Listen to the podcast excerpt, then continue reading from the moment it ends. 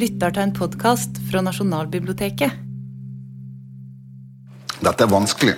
Vanskelig og kilent. Det er stas å skulle snakke om, eh, om hva vi skal med historie, men det er erfaringsmessig forferdelig vanskelig. Og en av de aller verste eh, anekdotene fra mitt eget institutt i nyere tid handler om hvor vanskelig dette er. Da vår nåværende instituttleder skulle forelese på X-FAC, altså innføringskurset i humanistisk og historisk vitenskapsteori og metode.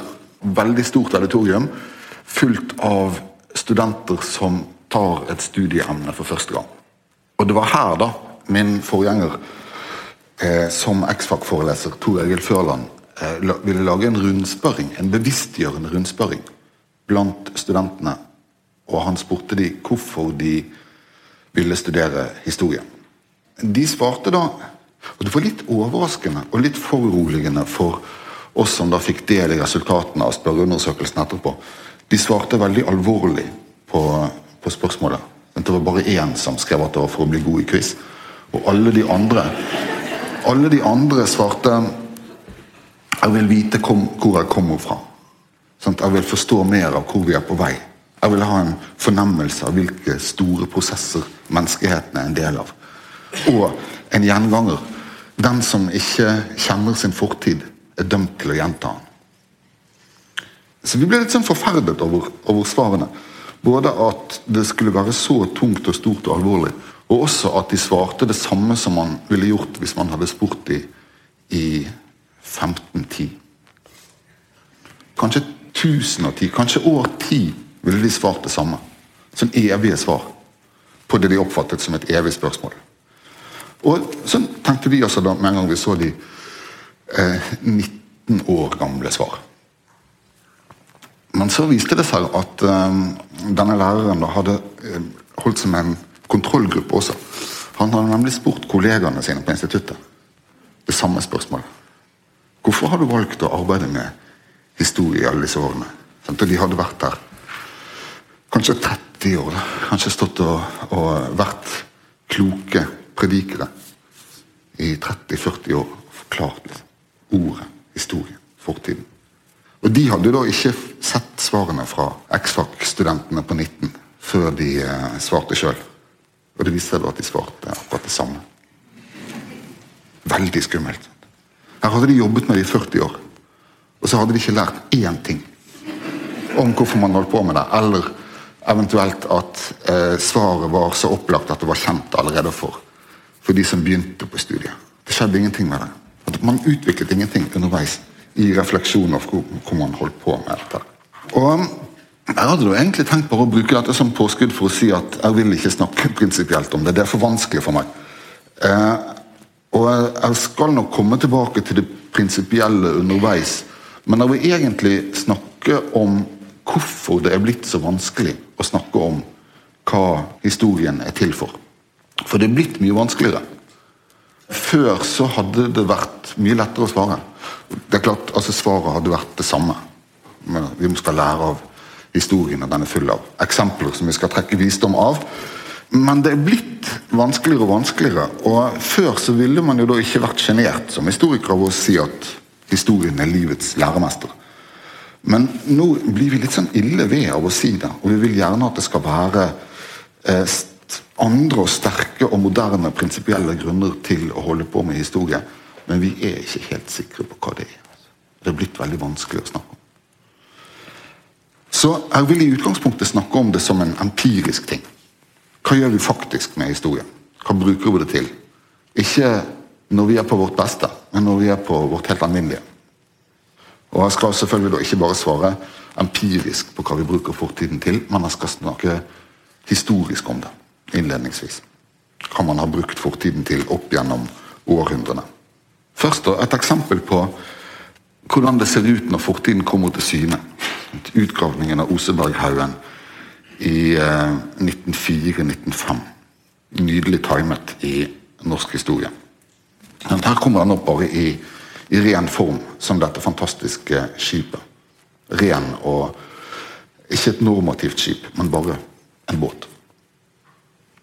Likevel, med en gang eh, den kommer opp sant, og, og da plasserer seg fint midt i bildet med den flotte oppadgående bevegelsen, så ordner de som har vært med på utgravningen, seg rundt skipet på en helt distinkt måte. Sant. Når de har stilt seg opp på skipet, så følger de skipets bue oppover.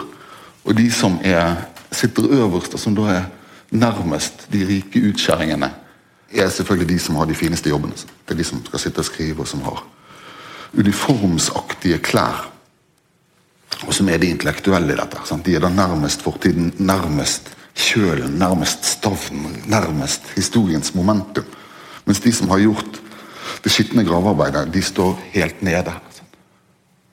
Men det som er åpenbart, og som er felles for alle, med en grad av nødvendighet, er at de er menn. Det er mennene som stiller seg opp og lar seg avbilde sammen med historien fordi den er viktig. Og historien kunne da, eh, etter at den var ferdig gravd ut, gli som på en ny eh, samlingsferd gjennom Oslo og forsvinne ut til Bygdøy. Den gjentok rikssamlingen over Stortorget, forbi Christian Kvart, som bare er en tåkedott her. Sant? Han, står han er jo ingenting i forhold til Osebergskipet. Som reiser gjennom, oss, som er fortiden, og som samler folk som kommer for å se på. Og så blir den sakralisert. Fortiden den blir uh, flyttet inn i et spesialbygget hus som er en kirke, og som uh, gjør vikingskipet dels til et hellig lik som er begravet her inne, og dels da til uh, et slags frelse, tilbedelsessted. Og det er veldig flott med altså det er jo det er så flott med vikingskipene i det hele tatt, men der står de, og jeg var overveldet av å se vikingskipet og merke den fantastiske manifestasjonen av fortiden i det store huset. Men det tok lang tid før jeg kom til Oslo. Og da visste jeg allerede hva historie var. For det, det hadde jeg lest her i denne boken. Og uten å skjønne det, fordi jeg bare var seks-syv år da jeg fikk denne her, så trådte jeg, da foreldrene mine ga meg denne boken alvorlig, inn i en lang tradisjon for å lære hva historie er, og hva man skal bruke den til. For det sto her. Og det var bilde av det i fortellingen om Alexander den store.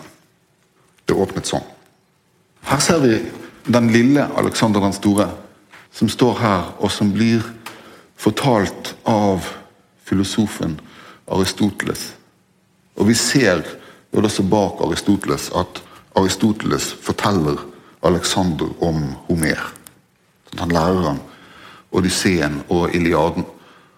Og Alexander hører alvorlig på. Og bak seiler det et helt gjenkjennbart antikt gresk skip. Men ellers var det jo merkelig eh, moderne, dette her. Så jeg måtte jo lure på dette her allerede. Er dette før, eller er det nå? Når er det dette bildet finner sted? Er dette antikken? Var det ikke verre enn dette?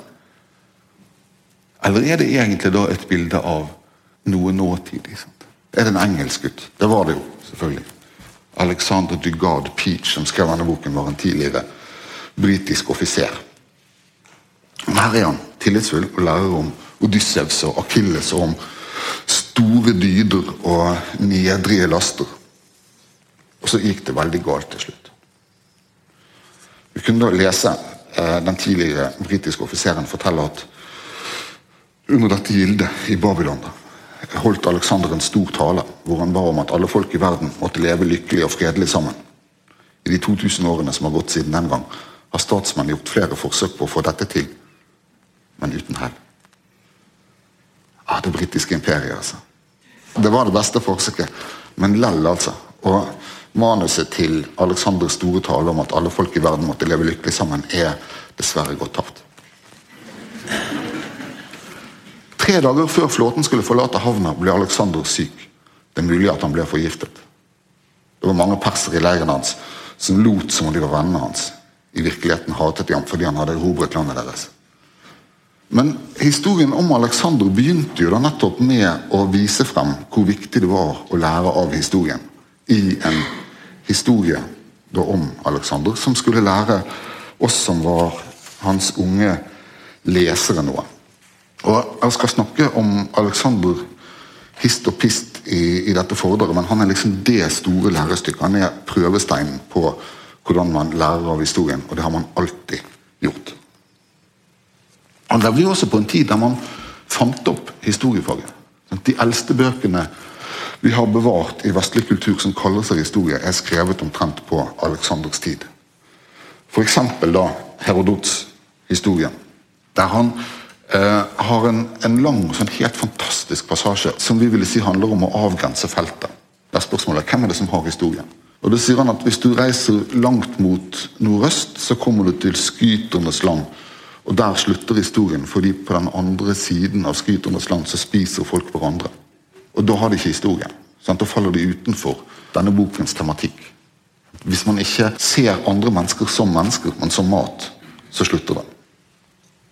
Så det begynner der, geografisk, og så slutter det i sørvest med denne passasjen. Nye ti dagsreiser fra garamanterne er det en ny salthaug med vann. Og rundt omkring bor et folk som kalles ataranter, og som er de eneste mennesker jeg kjenner som ikke har navn. Etter nye ti dagers reise har vi en ny salthaug med vann og omboende folk. Ved denne haug er et fjell ved navn Atlas. De innfødte påstår her at her er den søyle som bærer himmelens tak. Etter dette fjell har også menneskene fått sitt navn og kalles atlanter. De skal verken ta til seg animalsk føde eller drømme når de sover. Det er jo en bitter ting å innrømme at historikeren har aldri skrevet bedre siden. Sånn, her er menneskeheten. Den er mellom de som eh, spiser hverandre, og de som ikke drømmer. Alt som er imellom, har en historie. Men folk må ha navn, og de må ha drømmer, og de må ha respekt for hverandre. Og de må se hverandre som subjekter. Og Så lenge de gjør det, så er de omfattet av historien. Dette er den første teksten. Det begynner her, og den er sterkt normativ. Sant? Den er ikke da bare et utsagn om hvordan du avgrenser historieskrivingen, men den er et veldig sterkt moralsk utsagn om hvilke typer av mennesker som er omfattet av historien. Og Dette var jo berømt og elsket i sin egen tid. Og vi vet at folk deklamerte Herodot sant? når de skulle briljere i selskapslivet. Og? Vi er jo sikkert mange her som, som deklamerer Herodot i selskapslivet fremdeles. Det virker hver gang. Flott retorisk, sant? stor schwung over det. Det er det ikke over den nesten samtidige Tykedid, som skrev om Peloponneserkrigen, som han sjøl hadde vært med i. Det som virkelig hendte i krigen, det har jeg ikke ment riktig å skrive ned slik som jeg hørte det, av den første, den beste, eller slik som jeg sjøl fant for godt. Men bare det jeg sjøl var med på, og når det gjaldt andre hendelser, det jeg med størst mulig nøyaktighet kunne få greie på om hver enkelt ting. Det var et strevsomt arbeid å finne ut av dette. Fordi de som hadde vært til stede ved de forskjellige hendelser, ikke fortalte det samme om en og samme ting, men slik som enhver var innstilt overfor partiene, eller var i stand til å huske. Mangelen på fabler i mitt verk vil vise seg som noe mindre behagelig når man skal lytte til det. Men dersom alle de som vil ha greie på hva som virkelig har hendt, og som en gang, slik menneskenaturen nå er, vil inntre i samme eller lignende form, dømmer at mitt verk er nyttig, da vil det være tilstrekkelig. Da verket er avfattet som en varig skatt, ikke som et deklamasjonsnummer for en stakket stund. En av de store varighetene i historiefaget er da viljen til å sparke sine kolleger. Dette her er ikke Herodot, dette er en varig skatt. Nå kan man kjøpe begge på, på flyplassene.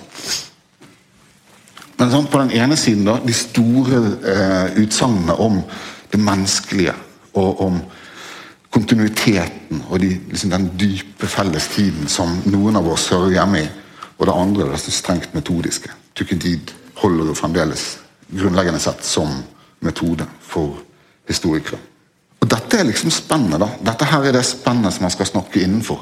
Mellom de allmenne menneskelige utsagnene som kaller seg historie, og det smalt metodiske som også kaller seg historie. Og hvordan dette her rommet gir eh, blir et sted for diskusjoner og forhandlinger om hva historie skal brukes til. Hva er det godt for? Klart, ut fra disse sitatene av Herodot og Tukydid, så er svaret på hva man skal med historie, er helt forskjellige. For romerne var det enklere. Da eh, Tiberius ble keiser, så utryddet han nesten hele det administrative aristokratiet i Roma. Det var veldig smått med folk igjen som, som hadde en sånn ordentlig følelse for hva det ville si å være romer. Så han måtte eh, lære de det, og oppdra de til å få en romersk identitet og et romersk kompass.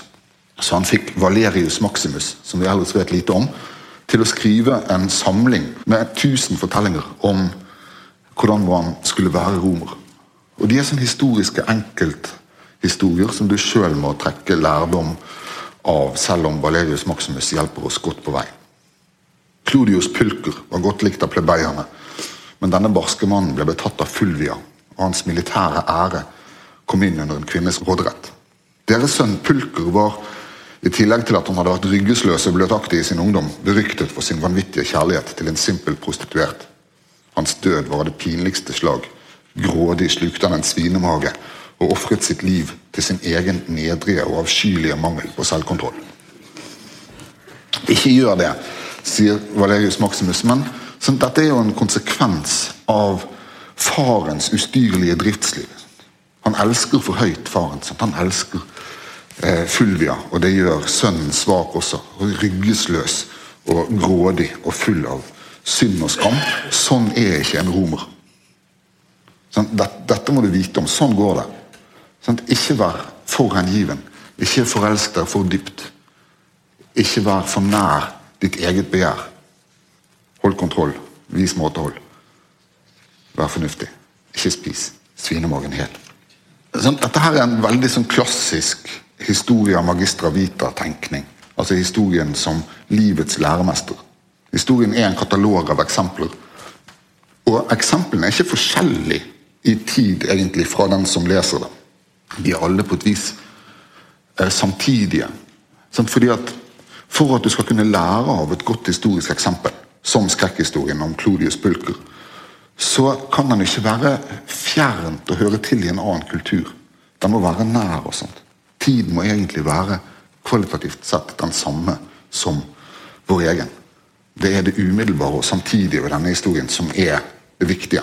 Men etter hvert som historiefaget endret seg opp gjennom århundrene, så blir denne spenningen mellom det umiddelbart nærværende og det historisk fjerne blir tydeligere og åpnere. Sant? Alt er ikke like nærværende som før. Dette er et bilde av Nebukadnesars drøm og profeten Daniel, glattbarbert og fin, som, som tolker han. Jeg er glad i dette bildet fordi det er laget av fetteren til Mitt Romney. Eh, så det er verdt å ha med bare for det. Men, men dere har jo lest, uh, lest Daniels bok og, og husker denne Nebukadnesars drøm, som Daniel her gjenforteller og tolker. Kongen, sier Daniel. I synet så du en veldig billedstøtte. Den var stor og strålte sterkt. Den sto rett foran deg og så fryktinngytende ut. Hodet på støtten var av rent gull, brystet og armene av sølv, magen og hoftene av kobber. Leggene var av jern, og føttene dels av jern, dels av brent leire. Mens du stod og så på billedstøtten, ble en stein revet løs, men ikke av menneskehender, og den traff føttene som var av jern og leire, og knuste dem. Da gikk alt sammen i stykker. Både jernet og leiren. Kobberet, sølvet og gullet. Det ble som agner fra treskevollen om sommeren. Vinden tok det og førte det bort, så det ikke fantes spor igjen. Men steinen som hadde truffet bildet, ble til et stort fjell som fylte hele jorden. Dette var drømmen, og nå skal vi fortelle kongen hva den betyr. Det er du som er hodet av gull. Men etter deg skal det oppstå et annet kongerike, ringere enn ditt, og så et tredje rike av kobber, som skal herske over hele jorden. Siden skal det komme et fjerde rike, sterkt som jern. Så dette her lever videre i språket, sant? denne drømmen til Nebukadneser. Både gullalderen, som er den egne, og kolossen på leirføtter, som er det han drømmer om. Så Det er så flott. Det er vi ikke heldige som kan si koloss på leirføtter fremdeles. Og det er så gammelt. Dette her blir da som selve den historiske lignelsen. Eh, det er en fortelling som Nebukaneser kanskje skal lære av det, eller bli minnet om alle tings forgjengelighet, og bli minnet om at dommedag vil komme før eller seinere. Selv om han sjøl er nokså trygg. Men ettertiden, og særlig i middelalderen, leste man eh, denne fortellingen og drømmetydingen som en beretning om historieskriving. Det er fire epoker. Det er gullalderen, og så kommer eh, sølvet, kobberet og jernet. Og så kommer dommedag. Så den opptok folk i middelalderen særlig fordi at den sa at alt ville ta slutt. Og den inviterte til å prøve å regne ut når dommedag ville komme. Hvor lenge varer hver av disse epokene? Hva kan vi lære av denne beretningen? Samtidig som den da på den ene siden sier at denne drømmen har evig aktualitet, så er dette en historie om hvordan tiden åpner seg. Sant? Og at man, hvis man leser denne fortellingen oppmerksomt og ser på samtidig historieskrivning, man begynner å tenke at, at historien strekker seg langt tilbake og er kvalitativt forskjellig fra epoke til epoke. Så her tenker man både et umiddelbart nå, der denne drømmen står og banker hele tiden, og et da som strekker seg langt tilbake i tid, til skapelsen. Og Man kunne da også tenke at under alt kramset av politiske begivenheter og tull og uvesentligheter og hverdag, så fantes det en stor og dypere tid som var Guds tid. Som Gud hadde oversikt over, og som ville munne ut i en dommedag som man aldri kunne vite sikkert når ville komme. Men man kunne lure, som Gregor av Thor gjorde det i Frankrikes historie, der et av kapitlene er bare dette her. På en annen øy, som ligger like utenfor byen Vann, var det et stort tjern som var fullt av fisk. Dette ble forvandlet til blod ned til en alens dyp eller mer. Dag etter dag samlet det seg store flokker av hunder og fugler her for å drikke. Når natten falt på, vendte de hjem, fullstendig gjennomtrukket av blod. Gregor eh, forklarer ikke hva dette betyr. Antagelig så vet han det ikke. Men han skriver det opp allikevel. Fordi han vet at det vil komme folk etter han som vil lese denne teksten. Og det er som han sier det, uten å si det, at kanskje du forstår det. Kanskje du kommer etter meg nå og leser dette og skjønner hva det betydde at dette vannet på eh, sørkysten av Bretagne ble til blod. Kanskje du skjønner hva det betyr at hundene og fuglene vendte hjem og var fulle av blod. Men jeg vet ikke. sant? Det er en stor, dyp tid som kanskje av og til bare kommer til overflaten og gjør ting til blod. Og vi vet ikke hva det betyr. Dette er Guds tid. Den, vi kan ane den av og til sant? når det skjer mirakuløse ting. Men vi vet ikke. Men dette er en av de tingene vi bruker historien til. Impliserer da Gregor. Vi mediterer over Guds tid. Vi prøver å se bakenfor den forte, korte, umiddelbare tiden. Men denne tanken om at historien også alltid er samtidighet, den er både i utvikling og forfall. Dette her er et av de aller siste store, berømte eksemplene skal vise litt nærmere etter hvert. altså. Eh, dette er igjen Alexander den store. Og slaget ved Issos, sier maleren Albrecht Altdorfer her. Han kjemper mot Dareios i et stort og forrevent landskap med byer i bakgrunnen. Og midt i bildet her ser vi Alexander og Dareios. De er omgitt av en stor hær med rustninger og fjærbusker. De har hver sin hær. Han kjører da i en sånn rar vogn med Han er beskyttet av vognen. Han er liksom pansret i forhold til den modige Alexander som rir alene og ubeskyttet med lansen sin. Og For at vi skal skjønne hvem de er, så har de skilt. Dareios har skilt på vognen der det står Dareios. Og Alexander den store, som på ingen måte var blitt Alexander den store på dette tidspunktet, har skilt, to skilt på hesten sin der det står Alexander Magnus. Alexander den store. Men vi ser jo her at eh, det er noe litt rart med måten både landskapet og soldatene ser ut på. Så byene her er samtidige med Altdorf. Det er byer som de så ut rundt reformasjonen. Og Reformasjonen er også nøkkelen til å forstå bildet. Dette her er en hær som den kunne se ut på begynnelsen av 1500-tallet. og Eh, de som flykter bort i venstre billedkant, ser ut som den osmanske beleiringshæren hadde sett ut ved Wien i 1529. Og Hvis man skulle være i tvil om innholdet her, så ser man det også hvordan, hvordan solen går opp her over Aleksanders hær, mens islams halvmåne blekner over den flyktende muslimske hæren. Men dette var jo altså 1000 år før islam. Det visste jo Altdorfer også. Men den store kampen mellom øst og vest, sivilisasjonskampen mellom Alexander og orientalerne, eh, er alltid samtidige utspillelser, bare på nytt og på nytt. Og Altdorfer hadde da sett den utspille seg utenfor Wiens bymurer, da de kristne greide å slå tilbake den muslimske, orientalske invasjon. Så Dette her er da blitt stående som et bilde som er et eksempel på hvordan fortiden alltid er nærværende, og alltid bare altså, kommer tilbake på scenen i et nytt kostyme. Men dette er også som slutten på denne epoken der fortiden ukomplisert kunne være nærværende på denne måten. 200 år senere drøyt så var den unge Edward Gibbon på besøk i Roma på en dannelsesreise som mange menn av hans slag foretok på den tiden. Og Der fikk han ideen til å skrive 'The Decline and Fall of the Roman Empire', som ble opplysningstidens og den tidlige romantikkens største historieverk. Den mest berømte av alle historiebøker før i hvert fall, i hvert fall 1800, kanskje før 1900. Kanskje det hele tatt.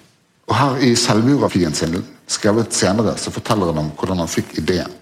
Det var i Roma den 15. oktober 1764, da jeg satt og grunnet blant ruinene av Kapitol, mens barføtte munker sang aftensang i Jupitertempelet, at jeg først ble slått av tanken om å skrive denne byens nedgang og fall. Så der er han, ung og drømmende, og så ser han da på ruinene av, av det gamle Roma, som da en gang hadde vært et hedensk tempel, sant? Jupitertempelet. Og nå er det kristne munker som er der. Og før hadde det vært rikdom og prakt og dekadanse. Og nå er det barfødte, fattige munker som synger den enkle aftensangen. Så, han, så Gibbon tenker da, som den tidlige romantikeren er, her har det skjedd store ting. Her har tiden forandret seg. Her har alt blitt noe annet enn det var. Og Boken han skrev om eh, Romas nedgang og fall, er det en eksempelhistorie sant? om hvordan rikdom korrumperer, og om hvordan romerne ikke lever f.eks. sånn som Valerius Maximus hadde villet ha dem til å leve, på en måte som kunne latt de holde nivået og bygge et varig imperium. De går under pga. indre karakterbrist. Men samtidig så er det en bok om forskjell. Om hvordan det som nå var, er blitt ruiner, en gang var noe helt annet. Hvordan folk var annerledes, om hvordan ruinene var annerledes. Om hvordan historien er et annet sted. Og Det er en tanke som, som svekker historiefagets eksempelverdi. Hvis det er sånn at det som skjedde for lenge siden, er så fjernt og hører hjemme i en annen kultur, og hører til i en verden som nå bare ligger i ruiner og er løse stein, hva er verdien av å studere det da? Er det bare som, eh, som sånn patosfylt erfaringskategori og romantikk at man skal bevare historien? Skal man dyrke sitt eget historiske vemod snarere enn å se opp til de store moralske heltene? Noe av det, av det mest fascinerende som, eh, som, skjer i kunsten på denne tiden, er historiemalerier som dette da, av Alexander den store, selvfølgelig. Av Pierre-Henri de Valenciennes, 1797. Der eh, Valenciennes maler Alexander den store som kom, kommer til den store kong Kyros grav, som viser seg å være ødelagt og plyndret av gravrøvere. Så på samme måte som Gibbon sitter i Roma og ser på ruinene av Kapitoltempelet, på samme måte lar de nå Alexander den store stå der og være beveget av ruinene av kong Kyros grav. Som om de innlemmer Alexander den store i sin egen nye historiske følsomhet. Det er Gibben på tur i, i Egypt. Og han blir så beveget av dette synet og erkjennelsen av tiden som har gått, og for, forfallet som har satt inn. Og liksom historiens egen tragedie. At han holder sine menn på avstand. Sånn, han må være alene med, med den der eh, sterke fornemmelsen av historien. Etter dette er det da ikke lenge igjen til det mest berømte av alle historiesitater, og som vi alltid sier til hverandre uansett når vi møtes historikere mumler det til hverandre som et hemmelig håndtrykk, er da introduksjonen til Leopold von Rankes bok om de romanske og germanske folkenes historie. Han sier da, han er helt ung når han skriver dette. her. Sant? Han er 29, men han er alltid avbildet som gammel. Og Han skriver da i introduksjonen til denne boken at man har gitt historien i oppgave å dømme fortiden for å gi samtiden lærdom til nytte i fremtidige år. Det herværende arbeidet har ikke så høye mål. Det vil bare legge frem hvordan det egentlig var. Det er en helt forferdelig ting å si. Men Ranke slår da igjennom som sin tids store epokegjørende historiker. sånn at Han blir en lærer som rekrutterer studenter fra hele Europa og fra Amerika. Så kommer de reisende for å høre på Leopold von Ranke, som forteller at han bare vil skrive om hvordan det egentlig var. Men det han sier her sant? Man har gitt historien i oppgave å dømme fortiden for å gi samtiden lærdom til nytte i fremtidige år. Det er den gamle eksempelfunksjonen. Historien som katalog over eksempler som folk kan se på og studere og fordype seg i og gråte over. Og så vil de bli bedre mennesker hvis de leser oppmerksomt og konsentrert. Og Noe av forvirringen som har oppstått rundt Ranke etterpå, skyldes at denne setningen, som da gjorde veldig sterkt inntrykk på alle, også gjorde veldig sterkt inntrykk på folk som hadde engelsk som morsmål. Og en av de rystende tingene med det engelske språket er at de har ikke noe ord for egentlig. Så de har strevd med å oversette dette her med 'what actually happened' og, og 'really' og sånne tørre, fattige småord. Men Rankes egentlig hadde de ikke. Vi har det. Men vi kan også streve med å svare på alle spørsmål som inneholder 'egentlig'. For Ranke var jo en idealist også. Men han er blitt tatt til inntekt veldig sterkt for et historiefag som undersøker i detalj hvordan det var før, materielt og i smått, og hva folk virkelig sa. Og kan man være sikker på dette? her? Den kildekritikken svarer det skal være nøyaktig. Det er det som er det egentlige. Men hos Ranke så er jo det egentlig også noe mer. Sant? Det er egentlig i betydningen innerst inne. Er det store svaret som vi roper ut til fortiden. Hvordan var det egentlig? Det er jo ikke et spørsmål som skal besvares i detalj. Og heller ikke for Ranke. Han er en tysk idealist.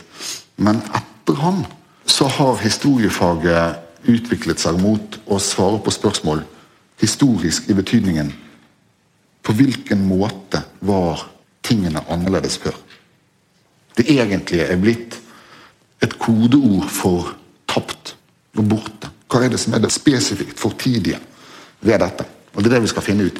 Ikke hvordan vi skal dømme fortiden for å gi samtiden lærdom.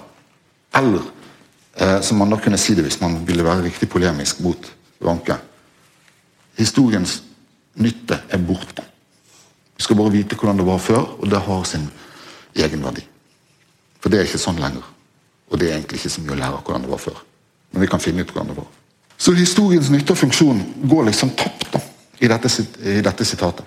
Denne linjen fra Ranke. Borte. Bare legge frem hvordan det egentlig var.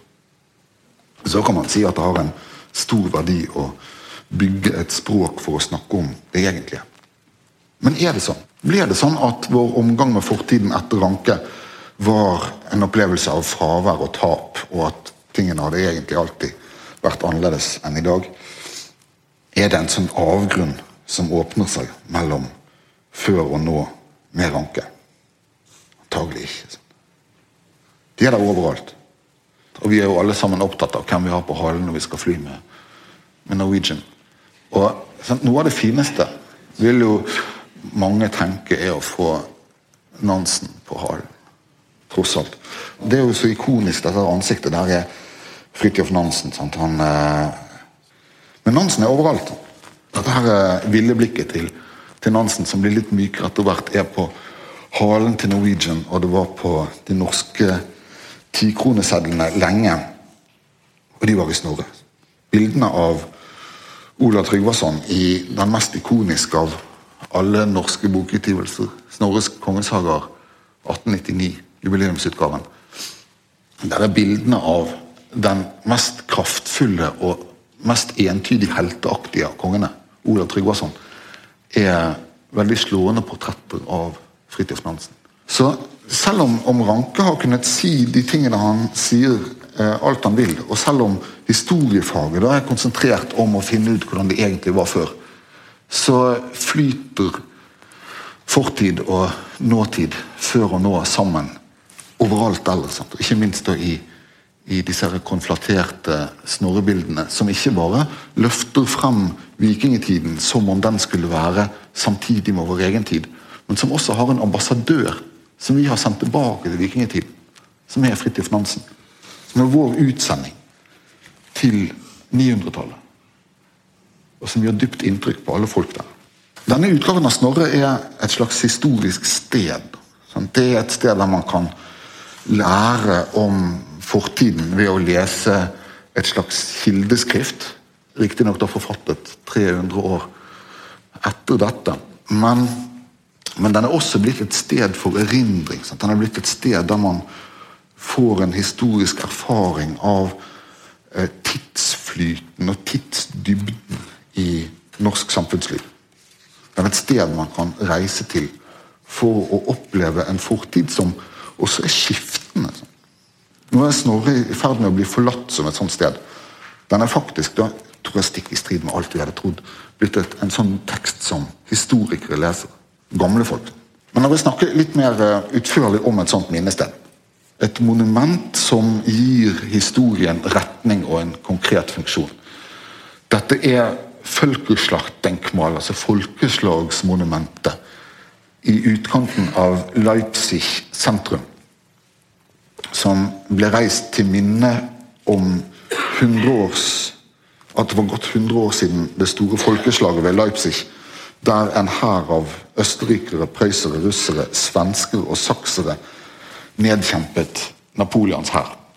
Det er liksom en stor begivenhet i, i, eh, det som i ettertid kunne sees som en tysk frigjøring fra Napoleon. Tyskland var jo ikke samlet ennå.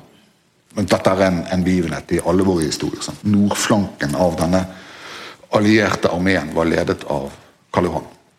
Til 100-årsjubileet for denne store seieren reiste eh, man da altså i Leipzig det som da var verdens største monument.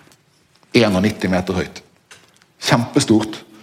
Eh, ble åpnet av keiser Wilhelm, som hadde et godt år. Som dette er samme året som han også innvier Fridtjof-statuen på Vangsnes i. Så han taler til folket her og innvier minnet om seieren over Napoleon.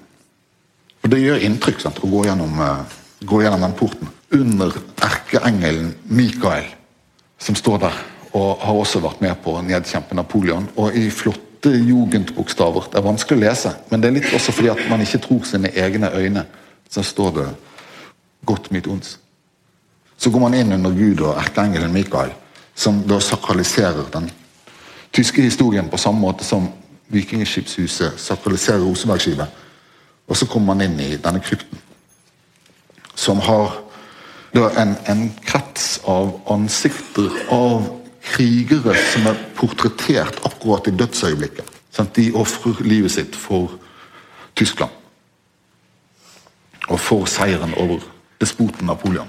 Og Foran dem så står disse her eh, kameratene som er i live, og som sørger over sine døde kamerater. Men så folk sånn ut på slagmarken i 1813? Det gjør de jo ikke. Når så de sånn ut? Så svaret er vel at de har antagelig aldri sett helt sånn ut. Eh, men om noe så er jo dette da et, et monument over eh, også over eh, den store Hermans seier over den romerske hæren. Varus legioner i Teutoburg-valgten år 9. Sånn Tidløsheten i denne krypten viser at dette er et monument for det germanske og det tyske. Og viljen til å ofre seg i kampen, den seierrike kampen mot alt som kommer utenfra og fra sør. Dermed er det også selvfølgelig et, et monument over fremtiden. Hvilket det også ble. Og det kunne bli alt mulig. Det er noe av det fascinerende ved folkeslagsmonumentet. Det kan minnes alt. Det er bygget så stort og tungt. Verdens største, dyreste monument. Eh, og med en krypta med en krans av forferdelige germanere. Og Likevel sant, så kan det brukes som et minne over sanitetens innsats under første verdenskrig. Det er et så sterkt minnested, og keiseren sa hva dette skal brukes til. Sant? Dette er seieren over Napoleon. Men det blir et minne om lidelsene under første verdenskrig og Røde Kors' tapre arbeid i Leipzig.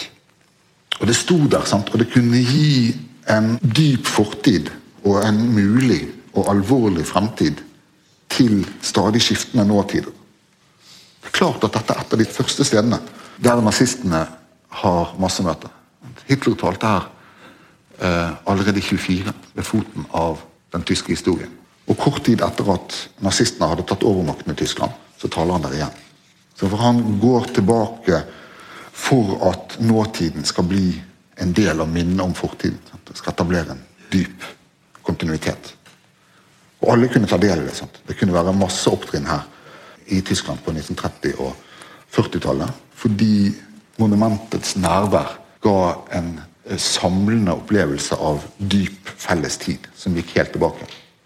Det ble også en eh, siste skanse for tyske offiserer i kamp mot allierte tropper i 45. Men også her overlever jo folkeslaktdenkmål. Det hadde vært i keisertiden, det hadde vært i Weimar-republikken, så hadde det vært under eh, Det tredje riket. Og det er der jo også, selv om det blir DDR.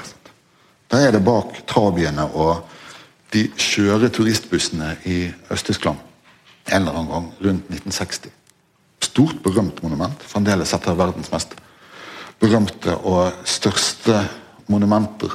Og Så kan man reise dit. Og fordi at det er et stort monument, så er dette et sted det er lov å reise. Man kan ta bilder, og man kan tenke det man vil. Man kan huske. Og man vil ha husket i ulike retninger. sant? Har allerede blitt et så historisk komplekst sted at det vil være et møtested for en mengde erindringer, også de som det ikke går an å formulere i, i klartekst. Så det er et slags sånn tidens fristed, kan det da ha vært i, i all sin gru, folkeslagsmonumentet.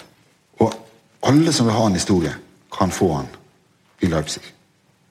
Her er da en minneplate minneplatte som feirer arbeider- og bondemakten. Og spesielt i dette tilfellet da rakettropper og artilleri. Det det er utstyrt med. Raketter på siden, men folkeslagsdenkmål. Og høstmessen i Tyskland på et av de siste frimerkene som ble gitt ut i DDR. Og man feiret akkurat som før. Sant? Det kan brukes som kulisse for masse opptrinn. Ungdomsspartakiaden i 1983 paraderer naturlig forbi folkeslagsdenkmål, som er der som fortid og som tidsdybde. Og som, eh, som der taus flertydighet. Enda det er bygget for å være så entydig som overhodet mulig, så er det åpenbart at etter hvert som flere og flere lag av tid legger seg på dette store monumentet, jo flere ting er det mulig å tenke rundt det, selv når det blir brukt så totalitært som mulig.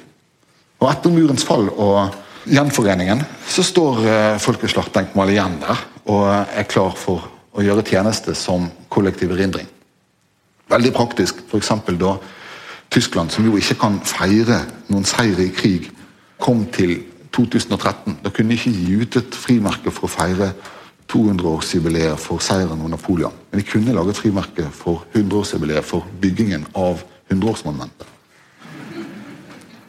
Så det gjør de. Jeg sier ingenting, men de har et, et, et historisk bilde av det, der det er plassert tilbake i sin egen tid. og liksom skjøvet tilbake på trygg 100 år lang avstand.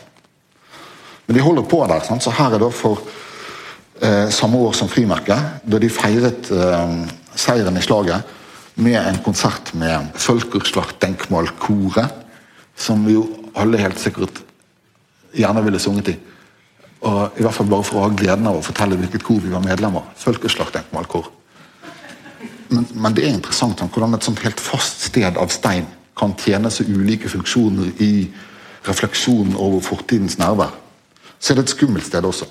I 2014 ble det stiftet en islamofob anti-innvandringsorganisasjon som, som, vi kjenner som altså Pegida i, i Saksen, det gamle DDR. Eh, Leipzig-avdelingen heter Legida. Og Da de skulle gå sin første marsj i januar 2015, så var det jo åpenbart hva målet for marsjen var. De skulle bort og ta monumentet og fortiden i besittelse. Og De ansatte møtte da denne eh, demonstrasjonen ved å skru av lyset. Det var helt mørkt da. Og dermed ble du helt uegnet som et sted å holde noen demonstrasjon. Så man kunne mørklegge historien for å hindre noen i å erobre den. Så Det er liksom det vidunderlig paradoksale at folkeslagsmonumentet, med alle de tingene det har markert opp gjennom årene, ender i mørket som et monument over det flerkulturelle Europa. Så poenget mitt eh, så langt, og jeg har ikke så forferdelig mange igjen, er da at det moderne historiefaget har avskåret seg fra den gamle nytten. Det, ikke, det skulle ikke lenger, etter Ranke, som ble idealet, være sånn at man dømte fortiden for å gi nåtiden visdom i fremtiden. Så det kunne man sitte og gjøre i vitenskapen. Og holde avstand. Og åpne avstand. Si at det er en, en avgrunn her. som, en slukt som vi ikke kan krysse. Fortiden er tapt og borte. Men med en gang man går ut av kontoret, så får man eksemplifisert at det er ikke sånn. Fortiden er der hele tiden. Og, men tjener da et uoverskuelig mangfold av funksjoner. Og selv ting som vi tror er stabile. Selv fortider som vi tror er hugget i stein, kan bety nesten hva som helst. Så det er liksom spørsmålet om hva som er hva vi trenger historien til, og hva som er dens funksjon. er da Kanskje man skulle snakke om det på tre nivåer. Det er det akademiske historiefaget og undervisningsfaget. Selv om med en gang man begynner å snakke om undervisningsfag, så er det jo nye ting som står på spill igjen. Vi skal jo bare lære våre studenter hvordan det var før, og eventuelt hvordan de skal skrive en, sin egen fremstilling av hvordan det var før. Mens i videregående så skal det jo læres opp til å respektere demokrati og rettigheter. Menneskerettigheter. Det er ikke vi opptatt av. Det har vi lagt bak oss for lenge siden. Og det er noe vi ikke skal lære av fortiden, så er det å bli bedre mennesker. Altså, Vi har den der eh, eksplisitt unyttige historiefaget nederst. Så enkelt er det jo heller ikke. Men et eller annet sted der så er det en sånn avvisning av den umiddelbare nytten. Og så er det all den offisielle historiebruken rundt oss med monumentene og, og eh, plakettene og alt som sikter mot en entydig erindring av den felles fortiden. Men så er det da alt det som skjer rundt med folk som bruker selv det mest foreskrevne, som leser bøker på sine egne måter, og som studerer monumenter akkurat som de vil. Så det er det som i historiefagets historie er blitt presentert som det store bruddet, nemlig oppdagelsen av at fortiden er borte, og ikke lenger er her som noe som har noe å vise oss. Det er et brudd som fornektes av all den store kontinuiteten med en gang folk i virkeligheten begynner å bruke historien. Så vi sier at vi gjør noe nytt, men vi gjør egentlig akkurat det samme som man gjorde da man fortalte hverandre om Homer. Men så er det da likevel et, sånn, et spørsmål som jeg vil runde av med, om, om ikke historiebruken og historiekulturen rundt oss og historiefaget eh, likevel streber mot det samme. For det er noen, noen akutte og veldig alvorlige temaer der historiefaget likevel ikke tier. Dette er en eh, runestein fra Kjelstorp i Skåne. Eh, og dette har jeg da fra min kollega arkeologen Julie Lund. Det er en, en runestein som har en eh, innskrift som går over steinen. Torkel gjorde, Tord bro denne, etter Vrage, bror sin. Så han har hugget inn en runeinnskrift over denne steinen som er en bro, og som er minnet over den døde broren Vrage. Så den forteller om den fortiden som landskapet er formet etter. Torkil og broren Vrage er fremdeles helt nær hverandre, selv om Vrage er død. Og Hver morgen kan han se over på graven til sin bror, og han kan gå over broen og fortellingen om nærheten mellom dem er laget som en bro over denne steinen. Så det er vakkert. Vakkert gravmæle. Gravmæler er vanskelig. Monumenter over tap er fremdeles vanskelig å snakke om. Dette er det vanskeligste av alle. Dette minnes altså Jonas Dahlbergs nå forkastede utkast til et minnesmerke for ofrene på Utøya, Sørbråten, der tanken var eh, dette store hakket i, i landskapet. Sant, Fjerningen av en del av landskapet fra den andre. Et uoverstigelig skille. Et monument over tapet. Det, det, var jo da vanskelig av, av eh, mange grunner. Å bli politisk en vidunderlig kompleks ting å følge med på for historikere. Uroen rundt dette monumentet og undringen rundt hvordan det skulle kunne se ut. Men også da sånn, kontrasten mellom disse to monumentene. Det over vraget, der skillet, vannskillet mellom de to er overspent av en bro som man kan gå over og komme til vraget. Men for oss i dag, der fortiden både er nærværende og helt tapt, så er eksistensen av en sånn bro eh, i videste forstand blir vanskelig, vanskelig å tenke seg.